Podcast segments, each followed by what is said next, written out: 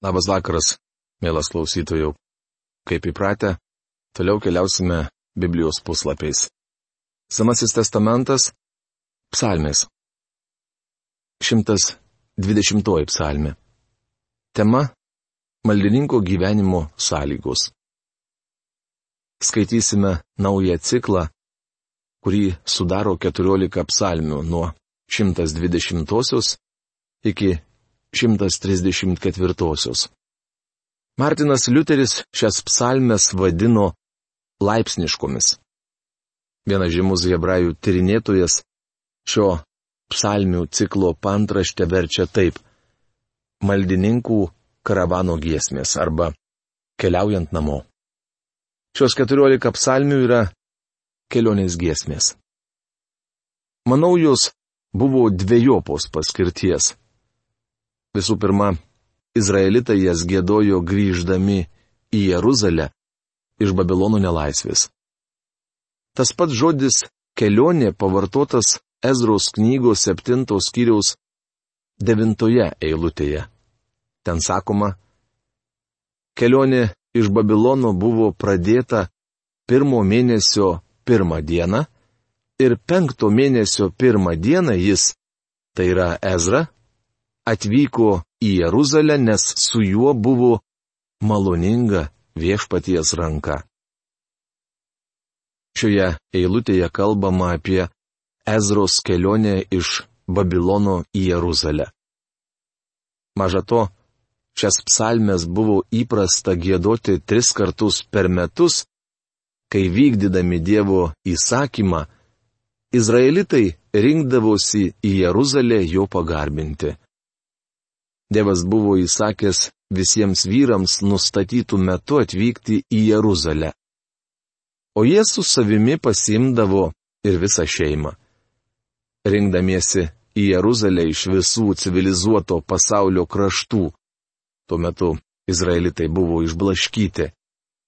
Jie gėdodavo šias giesmes. Vieną dieną gėdodavo vieną, kitą dieną kitą, kol galiausiai pakilę į viešpatie šventovę, užtraukdavo 134 psalmę. Štai kodėl šios psalmės vadinamos pakopų laipsniškomis arba maldininkų kelionės psalmėmis. Jūs prisimenate, kad daktaras Lukas yra aprašęs unikalų viešpaties Jėzaus gyvenimo įvykį iš jo vaikystės. Viešpats, kuriam tuomet te buvo 12 metų, su tėvais nuvyko į Jeruzalę švesti vienos iš didžiųjų švenčių. Dienos kelio atstumu iki Jeruzalės visi maldininkų karavanai susitikdavo, kad galėtų kartu įžengti į miestą. Tuo metu buvo bendraujama, atnaujinamos pažintys, prisimenami seni laikai, dalyjamasi įspūdžiais. Galiausiai visi patraukdavo į Jeruzalę, gėdodami šias psalmes. Net ir šiandien žinoma vieta, kur susitikdavo maldininkų karavanai. Yra vienos dienos kelio atstumu nuo Jeruzalės. Pasibaigus iškilmėms, Gimdytojai pastebėjo, kad Jėzaus tarp keleivių nėra. Tad grįžo į miestą jo ieškoti. Ši istorija papasakota Evangelijos pagal Luką, antros kiriaus 41-50 eilutėse. Galbūt abejojate, ar šios psalmės tikrai buvo taip gėdamos. Galite nebejoti, mat 122 psalmino skyriuje trečioje ketvirtoje eilutėse sakoma. Jeruzalė pastatyta lyg miestas, suaustas tvirtai į vieną. Kopia į ją giminės, viešpaties giminės, kaip įsakyta Izraeliui, kad padėkotų viešpaties vardui. Taip šios psalmės būdavo gėdamos tris kart metuose. Per Paską, sėkmines ir palapinių iškilmes, izraelitams keliaujant į Jeruzalę atiduoti Dievui padėkos pagarbinti jį ir atnašauti jam aukų. Šiuose keturiolikoje psalmių slypi dvasinė prasme. Įdomu, kad daugelis Talmudo autorių pabrėžė faktą, jog ir gyvenimas yra tarsi kopimas aukštyn. Mes ateiname pas Dievą kaip nusidėjėliai, atskirti nuo Jo, nutolę ir susvetimėję. Ateiname pas jį išgelbėjimo, o išgelbėti siekiame pašventinimo, augdami malonę ir Kristaus pažinimu. Tai nuolatinis kopimas aukštyn. Mums reikia kilti dvasinėmis pakopomis.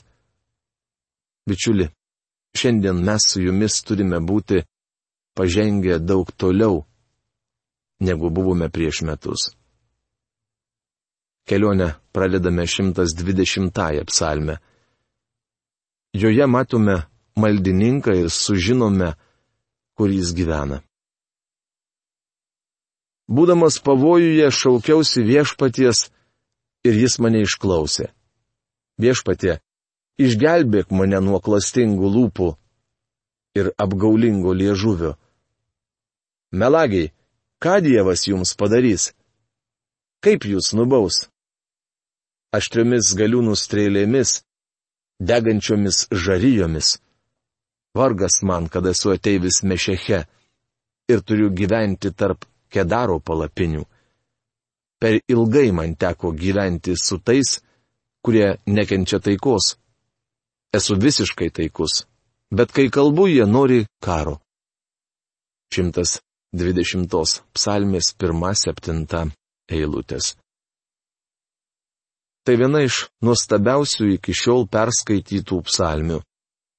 Jie aktuali ir mūsų laikais, ypač Izraelio tautai. Maldininkas šioje psalmėje sako, jog gyvena Mešeche, tarp Kedaro palapinių. Kas buvo Mešechas?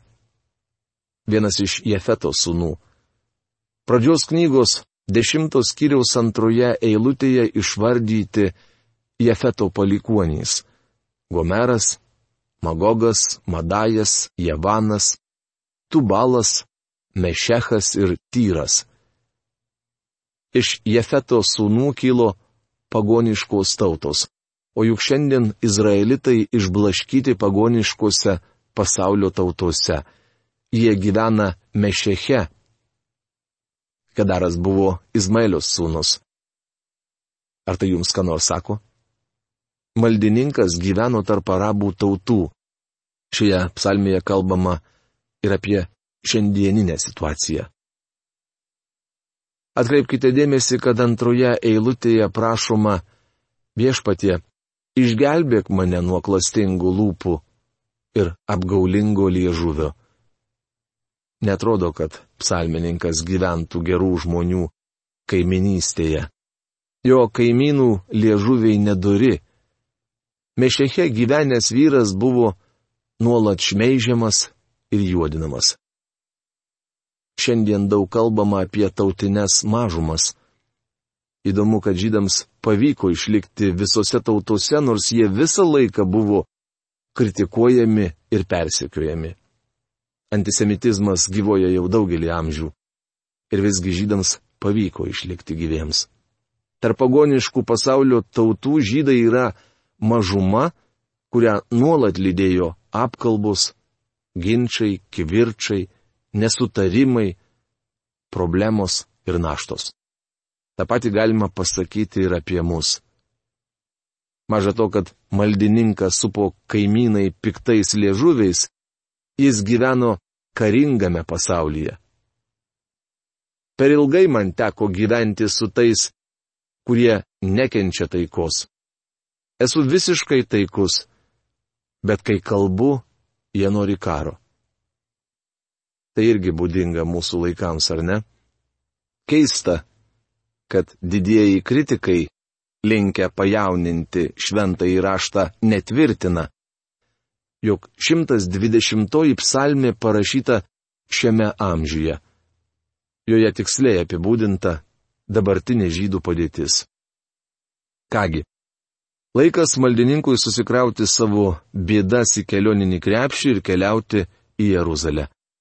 Visgi maldininkas palieka savo naštas namie. Palikęs Mešechą ir Kedaro palapines, jis iškeliauja į Jeruzalę pagarbinti savo Dievo. Jeruzalė yra taikos miestas. Deja, šiandien jis netoks. Mūsų laikais ten gana pavojinga. Tačiau maldininkų dienomis viskas buvo kitaip. Bus kitaip ir ateityje. 121 psalmi. Tema. Maldininkui prieš akis iškyla judėjos kalnai. Tai antroji pakopų giesmė, kurią gėda maldininkas keliaudamas į Jeruzalę pagarbinti Dievo. Mes akies krašteliu pažvelgėme į situaciją, esančią jo namuose. Tačiau palikęs namus, šis vyras leidžiasi į kelionę. Dabar jis tolumoje išvysta Jeruzalės kalnus. Keliuokis į kalnus. Iš kur ateis man pagalba? 121 psalmės pirma eilutė. Tai klausimas, o ne teiginys. Maldininkas laukia pagalbos ne iš kalnų, o iš Dievo. Keliuokis į kalnus, iš kur ateis man pagalba. Kitoje eilutėje jis pats atsako į šį klausimą. Mano pagalba ateina iš viešpaties, kuris padarė dangų ir žemę. 121 psalmės antra eilutė. Jo pagalba ateina iš Dievo, ne iš kalnų. Artėdamas prie Jeruzalės, nesvarbu iš kurios pusės šiaurės, pietų, rytų ar vakarų, maldininkas turi pereiti kalnus. Kai pirmą kartą lankiausi Jeruzalėje, atvažiavau į šį miestą iš rytų per Jordano upę. Vietovė, kurią man teko keliauti, buvo labai nelygi. Antrą kartą į Jeruzalę atvažiavau autobusu iš Tel Avivo. Toje pusėje reljefas dar nelygesnis. Bet to man yra tekę atvykti į Jeruzalę iš šiaurės bei pietų. Iš visų pusių miestą supa kalnai ir kalbos. Atėjęs į kitos vietos, iš kur matyti judėjos kalnai, jų viršūnėse maldininkas pastebi pagoniškus aukurus. Jis sako, ar aš kelsiu akis į kalnus? Iš kur ateis man pagalba? Jei neteina nuo kalnų viršūnių, kur pagonys statydavo savo aukurus. Jeremijas apie tai kalbėjo. Iš tiesų veltui mes vylėmės aukštumomis ir kalnais. Viešpatyje mūsų Dieve yra Izraelio išgelbėjimas, verčia Kostas Burbulys, Jeremijo knygos trečios skyriaus 23 eilutę. Štai ką gėda maldininkas, artindamasis prie Jeruzalės. Tavo kojai suklupti jis neleis, tas, kuris tave globoja, būdi. Štai Izraelio globėjas nei snaudžia, nei miega. 121 psalmės 3-4 eilutės. Profesorius Algirdo Jurieno Biblijos vertime sakoma, jis neleis viruoti tavo kojai. Kai sulaukime garbaus amžiaus, mes imame svirduliuoti. Pastebiu, jog aš nebestoviu ant kojų taip tvirtai kaip anksčiau. Diena saulė neužgaus tavęs, nemenulis naktį. Viešpats saugos tave nuo viso, kas pikta, jis saugos tavo gyvastį. Viešpats saugos tave išeinantį ir grįžtantį, dabar ir amžinai. 121 psalmės 6-8 eilutės norėčiau pateikti jums kiek kitokį vertimą, kuris galbūt padės jums geriau suprasti šią psalmės ištrauką. Jis neleis viruoti tavo kojai, tavo globėjas nesnaus. Štai Izraelio globėjas nei snaudžia, nei miega. Jahvė yra tavo globėjas, Jahvė yra tavo užuovėje dešinėje, diena saulė neužgaus tavęs, nie menulis naktį. Viešpats saugos tave nuo viso, kas pikta, jis saugos tavo sielą. Jahvė saugos tavo išėjimą ir įėjimą nuo dabar ir per amžius. Tai mano Vernono vertimas. Maldininkas nesitikė, kad kalnai suteiks jam jėgų. Jis laukia pagalbos iš viešpaties. Jahvė yra jo globėjas. Atkreipkite dėmesį, kad septintoje ir aštuntoje eilutėse mums sakoma viešpats saugos tave. Čia kalbama apie nuostabę, sergstinčią Dievo galybę. Jis mus saugo. Petras sakė, Jūs Dievo galybė ir sergsti tikėjimu išganimui. Pirmas Petro laiškas, pirmas skyrius penkta eilutė. Vaisius ir daržovės galime išsaugoti dviem būdais - cukruje arba atste. Vieni krikščionys išsaugomi vienaip, kiti kitaip. Tie, kurie saugomi cukruje, yra mėly, malonų žmonės. Kiti saugomi atste. Čia, manau, komentaras nebūtinas. Maldininkas artėja prie Jeruzalės, jis pereina kalvas ir stovyklas. Anuometame krašte motelių nebuvo, tad keliaujantieji į Jeruzalę turėdavo nakvoti pakelyje. Jie pasikliovė Jahvis apsauga. Koks šlovingas pasitikėjimas. Psalmėje sakoma, mano pagalba ateina iš viešpaties. Jis neleis susviruoti ir pargriūti. Panašų žodžiai kartojami ir kitose šventojo rašto vietose. Patarlių knygos trečios kiriaus 26 eilutėje sakoma, nes viešpas bus tavo pasitikėjimas ir apsaugos tavo koją nuo spastų. Jis neleis jums pargriūti. 37 psalmės 24 eilutėje pasakyta, nors ir sukluptų, jis neliks gulėti, nes viešpats padės jam atsikelti. Samuelio pirmos knygos antros kiriaus devintoje eilutėje užrašyta Onos giesmė žingsnius savo ištikimųjų jis saugo. Trumpame judo laiške skaitome vieną iš paskutiniųjų palaiminimų Biblijoje. Tam, kuris gali išlaikyti jūs nenupuolusius, tai yra nesuklupusius. Ir savo šlovės akivaizdon pastatyti nesuteptus ir džiaugsmingus, vieninteliam Dievui mūsų gelbėtojui, per mūsų viešpati Jėzų Kristų te būna šlovė, didybė, valdžia ir galybė prieš visus amžius ir dabar, ir visais amžių amžiais. Amen. Judo laiškas 24-25 eilutės. Jis pajėgus mus išsaugoti. Dievas yra Izraelio ir visų savųjų globėjas. Atkreipkite dėmesį, kad jis sergsti mus dieną naktį, nesnausdamas ir nemiegodamas. Kai izraelitai apsistodavo nakvoti svetimame krašte, Dievas nemiegodavo, jis visą laiką sergėdavo savo žmonės. Diena saulė neužgaus tavęs, nemenulis naktį. Izraelitams tekdavo keliauti itin karštų laikotarpių. Patikėkite, žinau, kokia kaitri gali būti saulė tuose kraštuose. Tačiau Dievas sakė, jog sergės juos svilinančios saulės kaitroje. O kaip dėl menulio naktį? Na, aš tiksliai nežinau, ką Dievas turėjo omenyje tai sakydamas tačiau žinau, kad žodis lunatikas yra kilęs iš lotiniško žodžio luna, kuris reiškia mėnulis, ir visuotinio įsitikinimo, kad mėnulio spinduliai daro įtaką žmonių sąmoniai. Pamenu, būdamas jaunas, eidavau į pasimatymą su mergina mėnesienoje. Mėnulio šviesa tikrai darydavo mums įtaką, tačiau Dievas gali jūs apsaugoti saulės kaitroje ir mėnesienoje. Viešpats saugos tave išeinantį ir grįžtantį, dabar ir amžinai. 122 psalmė tema - Maldininkas išvysta Jeruzalę. Tai trečioji pakopų giesmė. 120 psalmėje matėme vargo prislėgtą izraelitą gyvenantį iš meižikų ir liežuvautojų apsuptyje. Palikęs nedraugiškus kaimynus, jis kartu su šeima iškeliauja į Jeruzalę švesti vienos iš žydų švenčių. 121 psalmėje šis vyras prieina tokią vietą, iš kurios matyti judėjos kalnai. Maldininkas keliauja toliau, kol pasiekia nuostabų į Jeruzalės miestą. Čia renkasi visos Izraelio giminės švesti viešpaties iškilmių. Kaip džiaugiausi, kai buvo pasakyta, eime į viešpaties namus. Jau įkėlėme koją, stovime tavo vartuose, Jeruzalė.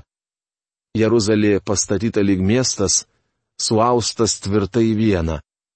Kopė į ją giminės viešpaties giminės, kaip įsakyta Izraeliui, kad padėkotų viešpaties vardui. 122 psalmės 1-4 eilutės. Pagaliau ilgos kelionės išvarginti maldininkai pasiekė mylimo miesto vartus. Jie pakelia akis į šventyklą, kurios auksas tviska akinančioje saulės šviesoje. Tai iš vienų, tai iš kitų lūpų pasigirsta džiaugsmingas šūksnis eime į viešpaties namus. Ši nuostabi psalmė dar turi ir pranašišką reikšmę. Joje matome būsimąją tūkstantmetę karalystę, kada visos giminės rinksis į Jeruzalę garbinti Dievo. Izraelitai ilgą laiką buvo toli nuo savo miesto. Tiesą sakant, ir šiandien jiems nepriklauso visas miestas. Žydai negali atstatyti šventyklos, nes jos vietoje stovi Omaro mečetė. Dauguma šventų vietų yra užėmę pagonys. Ozėjo knygos trečios skyriaus ketvirtoje penktoje eilutėse mes skaitome. Juk ir izraelitai pasiliks ilgą laiką be karaliaus ir didžiūno, be aukų ir šventųjų stulpų, be efodo ir terafimų. Paskui izraelitai sugrįž, ieškos viešpatė savo Dievo ir Davido savo karaliaus. Paskutinėmis dienomis jie artinsis prie viešpaties ir jo gerumo su pagarbos kupina baime. Tūkstantmetės karalystės metu Jeruzalė klestės. Karas Izraelio giminės sugrįžusios į savo miestą. Daktaras Gebeleinas taip apibūdina žemiškąją ateities Jeruzalę. Tai didingas, erdvus ir gražus miestas atstatytas ne vien architektūrinė, bet ir dvasinė prasme. Izraelio tautai nebereikia kariauti. Daugiau jai nebegrėsia joks pavojus. Tokia bus Jeruzalė tūkstantmetėje karalystėje. Šioje psalmėje atsiveria mums šlovinga ateitis. Mėlyji, šios dienos laidą baigiame. Iki malonaus susitikimo. Sudė.